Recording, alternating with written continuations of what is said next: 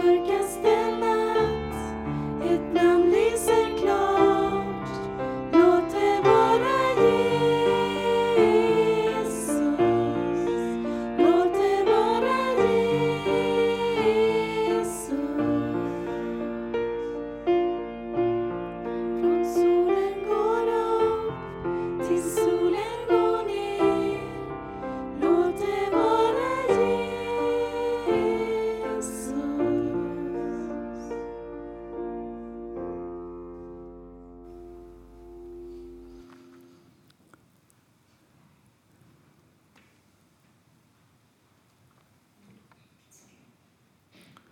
Varsågoda och sitt ner.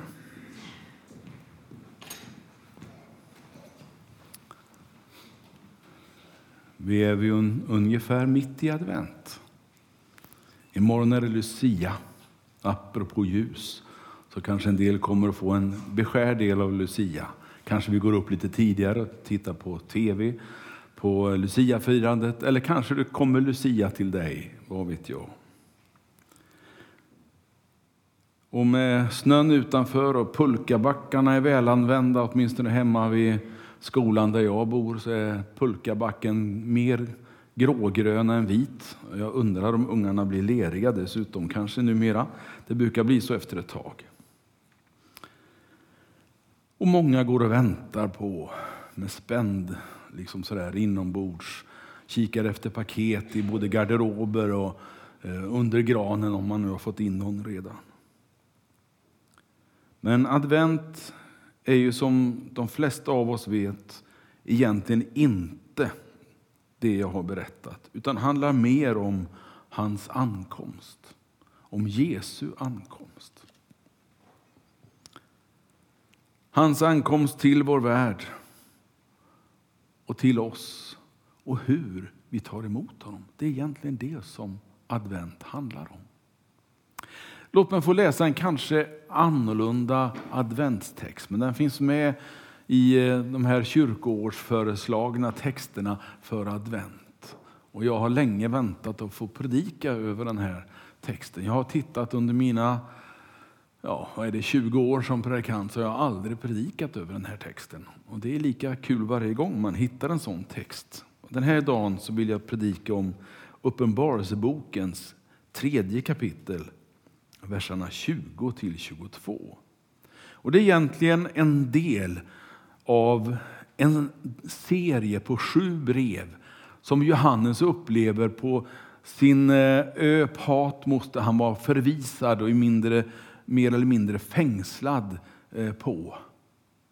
Där han upplever hur Jesus uppmuntrar honom att skriva ner sju brev och skicka iväg. Och det här är brevet till Laodikeia. Jag läser inte hela brevet utan jag läser bara de sista verserna, tre stycken. Där säger Jesus så här genom Johannes. Se, jag står vid dörren och knackar. Om någon hör min röst och öppnar dörren så går jag in till honom och håller måltid med honom och han med mig. Den som segrar ska jag låta sitta hos mig på min tron, liksom jag själv har segrat och sitter hos min far på hans tron. Du som har öron, hör vad Anden säger till församlingarna. Ja, han kunde uttrycka sig den gode Johannes. Han uppfattade det här som ett viktigt budskap till Laodikeia-församlingen, Laodicea-församlingen. Och kanske att vi kan ta åt oss det trots att det har gått åtminstone 1900 år sedan det här skrevs och de tog emot det. Och min tanke är att fundera lite grann tillsammans med dig utifrån det här just nu. Ankomst, ja, det handlar ju om att Jesus kommer. Det handlar ju om att han föds på vår jord. Det handlar ju i början om en liten krubba. En liten oansenlig plats som de flesta inte ens hade tänkt på att något människobarn skulle födas och läggas i. Men när kungars kung, skapelsens herre, ska komma till den här världen fysiskt i en kropp, i ett litet barns kropp, så föds han i ett stall. Så föds han, det skulle vara som om Ja, ni vet de här som har riktigt långt till BB inte skulle hinna fram utan det blev en födsel i bilen eller det blev en födsel vid vägkanten eller, och kanske ännu sämre. Renligheten kan man ju bara anse som bortblåst. Och säkert mycket som vi ser som självklart när ett barn föds var väldigt långt därifrån. Det blev inte speciellt uppmärksammat, inte ens i omgivningen där. Det tog ett bra tag innan det kommer herdar fram och eh, hade fått höra, ni vet via änglar. Så småningom dyker några visa män, vi brukar kalla dem för de tre vise männen, eh, som kommer ifrån Österns länder. För de anar att någonting har hänt som har betydelse för mänskligheten. Vi har sett en stjärna, för oss betyder stjärna en kung som föds och vi letar efter honom. Så även om själva födslonatten kanske inte var så storartad så reagerar nästan universum på att Mästaren föds. Han kommer till den här lilla krubban. Han kommer till sin församling. Det är precis det det handlar om. Det står ju, om vi ska läsa det bokstavligt, eh, precis som, som det står här i brevets avslutning, så står han ju utanför församlingsporten och knackar och undrar kan jag få komma in. Vill ni släppa in mig? Det, eh, det vore, skulle ju vara som att sparka in öppna dörrar, tycker jag. Men inte i Laodikeia. Där fick han knacka och vänta på att bli insläppt till en kristen församling. Egentligen så borde församlingen i Laodikeia och Jesus vara oskiljaktiga. De skulle vara ett. Men redan i det första århundradet så är det svårt att vara en kristen församling. Så är det svårt att omsätta sin kristna tro i en verklighet, i en kyrka till och med.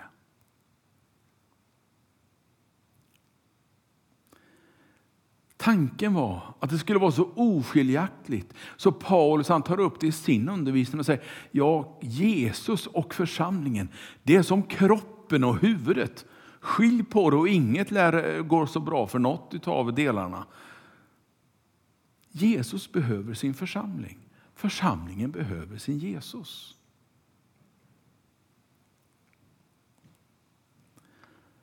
Det står i Johannes 3 och 16, och jag bara citerar första raden.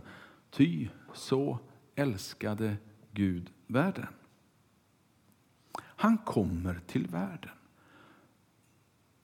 Han älskade världen så mycket så han skickar och sänder sin enfödde son. Den kärlek som jag anar är till och med före Jesus i krubban som liksom följer mänskligheten. Vi kan se snöret går ifrån krubban där och bakåt på en tidslinje och hamnar till och med någonstans vid Adam. Guds kärlek och omsorg.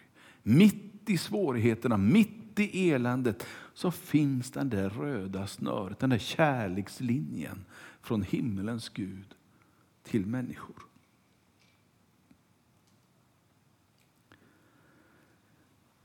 En annan bibelöversättning skriver så här. Han kom för att ställa allt till rätta igen, här i världen.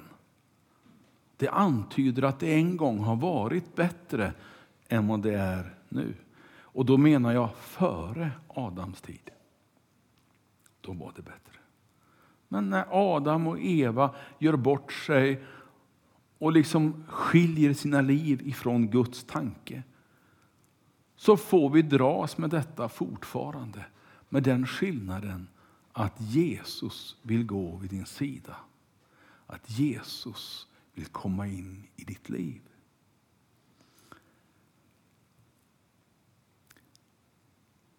Han står vid din egen dörr. Det finns många sådana här vackra tavlor som är avbildade med just den här tanken i åsan.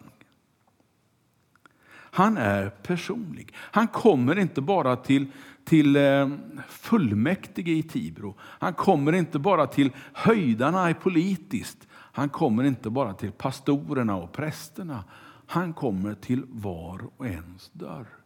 Och han bultar inte, han för inte oväsen, han gör inte som han gör i Göteborg där han lägger sprängladdningar och Malmö och överallt vad det nu är eh, utanför dörrarna för att, att tala om att de är där. Nej, Jesus han knackar lite försiktigt liksom så här. Får jag komma in? Jag skulle så gärna hålla måltid med dig. Jag skulle så gärna sitta och prata med dig en stund. Han söker din uppmärksamhet och jag är fullt medveten om att det är många som gör det. Det är många i vårt samhälle som söker din uppmärksamhet. Det är många som vill ha del av din tid, av din ekonomi och av den du är. Och på många sätt så är det fullt naturligt. Vi måste ju ha ett jobb. Vi måste i unga år försöka få tag på en utbildning som vi kan trivas med. Vi måste ju kunna bo någonstans. Ja, det finns många sådana där måsten. Men alltihopa det där kan man aldrig skylla ifrån sig utan måste erkänna att det här är mitt eget val. Jag väljer olika saker. Innan du bestämmer dig för om du ska öppna den där dörren så skulle jag vilja uppmana dig att söka fakta. Vem är han som knackar utanför? Vad vill han? Vad säger han? Vad gör han? Och ska du ha reda på det, då är den här boken ett bra förslag. Läs. Börja med evangelierna i Nya testamentet. Börja och läs dem. Varför inte den här adventstiden? Börja och läs kanske en gång till. Du har läst det förut och tycker du kan de här. Nej, jag är inte så säker på att jag är inte säker på att jag ens kan dem som tycker att jag har läst dem några gånger. Men det hjälper inte. Jag hittar nya saker i evangelierna gång på gång. Och jag vill lära mer om Jesus.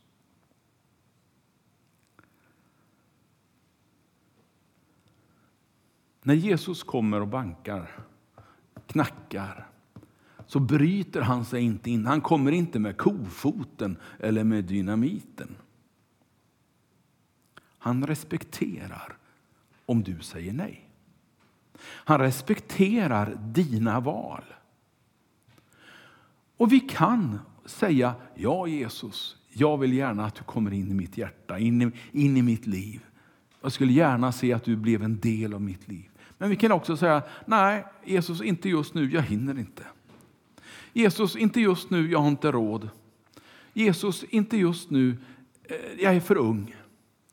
Kom igen när jag hunnit bli 60 plus eller 70 eller 90 plus eller vad vi nu vill säga. Vi har den möjligheten. Men den här berättelsen tror jag vill uppmuntra dig att vara beredd på att släppa in honom när han kommer och knackar. Om det så är i församling eller om det är i ditt liv eller var det än är. Jag skulle vilja lägga några minuter på att presentera platsen som Jesus kommer till. Laodikeia, eller Laodicea. Nu har jag hål i min ficka här. Ser jag. Så jag måste gräva lite djupt i jackfickan. Ni ser kartan, eller hur? Och det är omöjligt att hitta Laodikeia på den om man inte vet var man ska leta någonstans. Vi ska se om man kan visa med en, ser ni en liten röd prick? Där står det Laodikeia. Ehm. Det är ju långt ifrån havet. Men det är inte så långt ifrån den andra eh, stan bredvid, Kolosse. Och Kolosse känner vi från Bibeln, eller hur? Du som har läst din bibel och bläddrat i den några gånger, du kanske har bläddrat igenom Kolossebrevet också. Det är några kapitel, fyra kapitel, men oj så unke undervisning den får i Kolosse. Och i brevet så står det, skicka också det här till församlingen i Laodikeia. Det är Paulus som skriver och det är långt före Johannes får den här visionen och skriver de här breven. Så församlingen finns där och man man vet, man tror man vet vem som var med och, och grundade den. Och det har ju ingen betydelse idag så långt senare. Men, men det, det, är som en, ett faktum. Stan har funnits, det är man helt övertygad Man har hittat ruinerna. Den försvann i en jordbävning eh, på 60-talet där efter Jesu födelse. Den var känd för sitt vackra och väldigt fina svarta ull. Det exporterades till hela romarriket. Stan var känd för sitt bankväsende och sin medicinskola. Det var en stad som sjuder av liv. Men till kyrkan så får de budskapet. Får jag komma in? Vill ni ha gemenskap med mig? Det är tragiskt att en kyrka kan behöva få ett sådant budskap. Jag vägrar att tro och vill inte ens försöka ge exempel på nutida församlingar som skulle kunna få samma budskap. Det skulle vara alldeles för kaxigt. Jag vill inte det. Jag vill inte ens försöka. Men vad jag vill det är att påminna om att det verkar inte som att han ger upp. Han gör inte tre knackningar, vänder ryggen och går därifrån. Utan han står kvar vid den där dörren. Och en liten stund senare så kommer knackningarna igen. Det kan ta tio år. Det kan ta 20 år i ditt liv. Gång på gång så får du det här erbjudandet. Jag vill komma in och bli en del av ditt liv. Vill du släppa in mig i ditt liv? Jag älskar den här texten. Jag tycker den är så vacker. Den beskriver för mig vem Jesus är.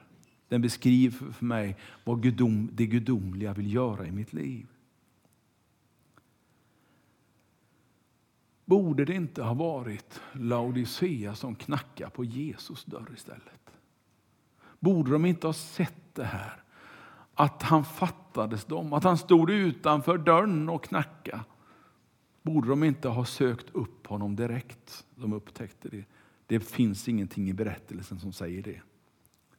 Men jag tänker lite grann i min ensamhet hemma, kanske att det borde ha varit så.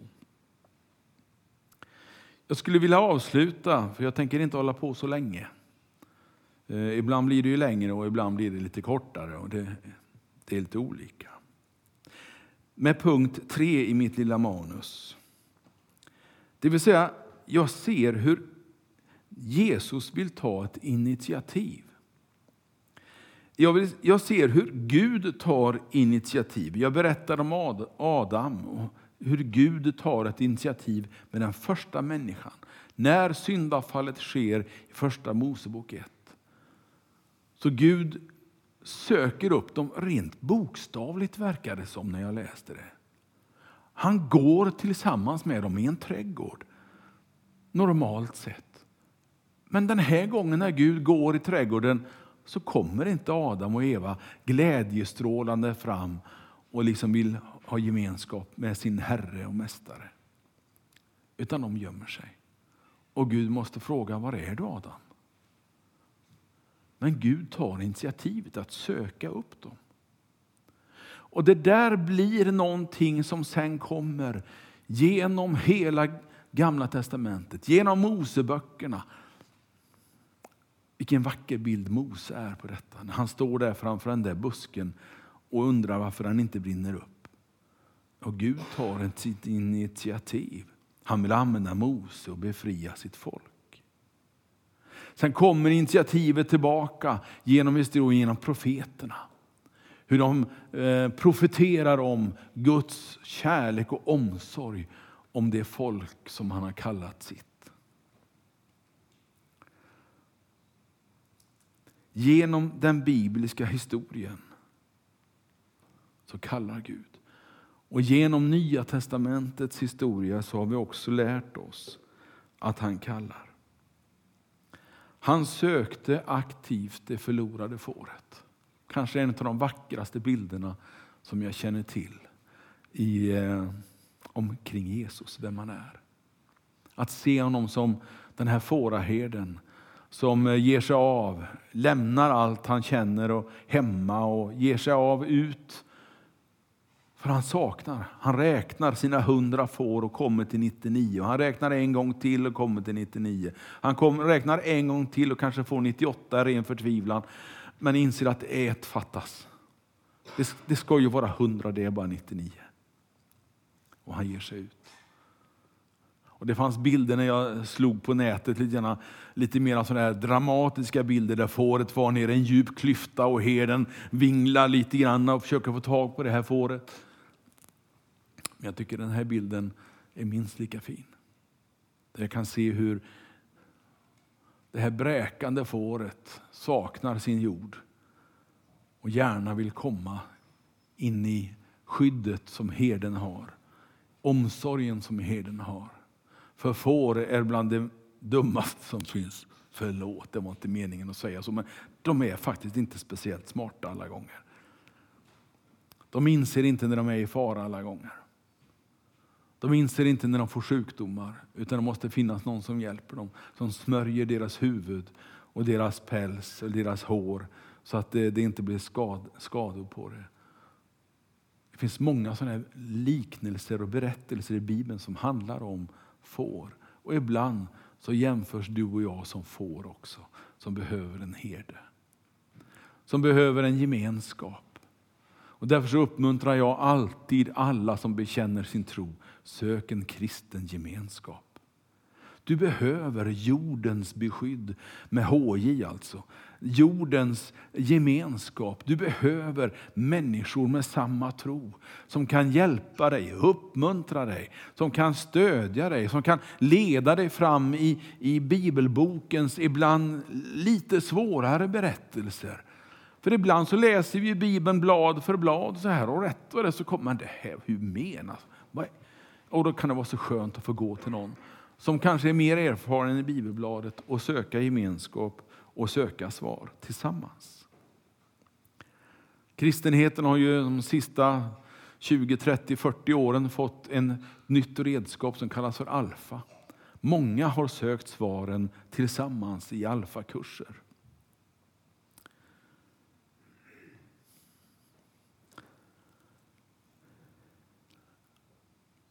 Han älskade mig först.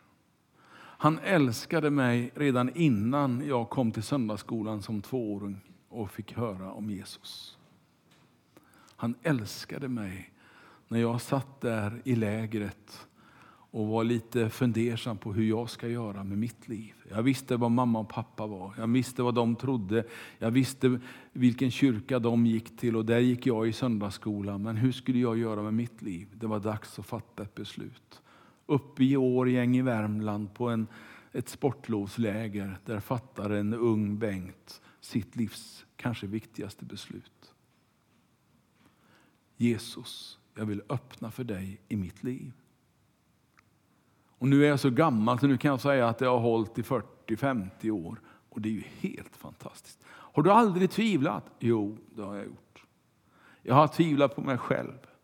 Jag har tvivlat på min förmåga att tro. Jag har tvivlat på min förmåga att förkunna. Jag har tvivlat på min förmåga att sjunga hans lov så att inte himlen går sönder därför att jag sjunger så dåligt. Det är så man tänker, det är i alla fall jag. Och någon gång har han också tvivlat på, håller min tro? Jag erkänner det. Men alla tvivel hittills har övervunnits genom hans omsorg och kanske Låt mig få vara en del av ditt liv. Det är mitt lilla vittnesbörd. Och jag tror att Jesu mål är inte att stå vid den där dörren och knacka. Det är inte därför han har kommit. Det känns mera som att han vill flytta in i mitt liv. Det känns mera som att han vill bli en, en stadig inneboende, kanske till och med en del av familjen, en del av mitt liv. Inte bara någon som kommer och går. Lite så här utefter väderlek eller vad det nu kan vara för någonting. Låt Jesus få bli någonting hållfast i ditt liv. Jag har suttit vid dödsbäddar och sett hur människor är mer eller mindre borta mentalt. Och så har jag tagit fram min bibel och så sagt, får jag läsa någonting? Och ibland så har det kommit ett tyst, ett ja och ett leende. Och ibland så har de bara en nick. Och så läste jag ett bibelställe, någonting som jag vet de känner igen, som de har hört och sett många gånger. Och så glimmar det till lite grann. Och sen några veckor senare så har jag fått höra att himlen har tagit hand om den här personen för gott. Det håller att tro på Jesus i livet och det håller att tro på Jesus i döden. Det är min fasta övertygelse. Församlingen i Laodikeia brukar vi inte ha som ett exempel. Ibland så är det så att när man möter kristna kyrkor så heter det Betania.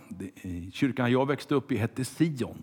Och Många sådana här namn har bibliska anknytningar. Jag har aldrig hört någon församling som heter Laodikeia-församlingen. Philadelphia-församlingen det var en av församlingarna som faktiskt fick ett brev. Smyrna-församlingen var en annan och några stycken så här. Eh, och det finns många sådana kyrkor idag, men ingen som heter Laodikeia. För ingen vill vara den församling, vara den personen där han får stå och knacka och inte komma in. Utan jag tror att vi, de allra flesta av oss gärna öppnar dörren och säger Kom Jesus, låt mig få lära känna dig. Kom in i mitt liv. Hjälp mig hantera glädjeämnen och svårigheter. Tillsammans med Herren så kan du göra stora saker för en jord som har det ganska jobbigt just nu. Tack Herre kär att jag får läsa ditt ord och att jag får förkunna det. Nu Herre vill vi lovprisa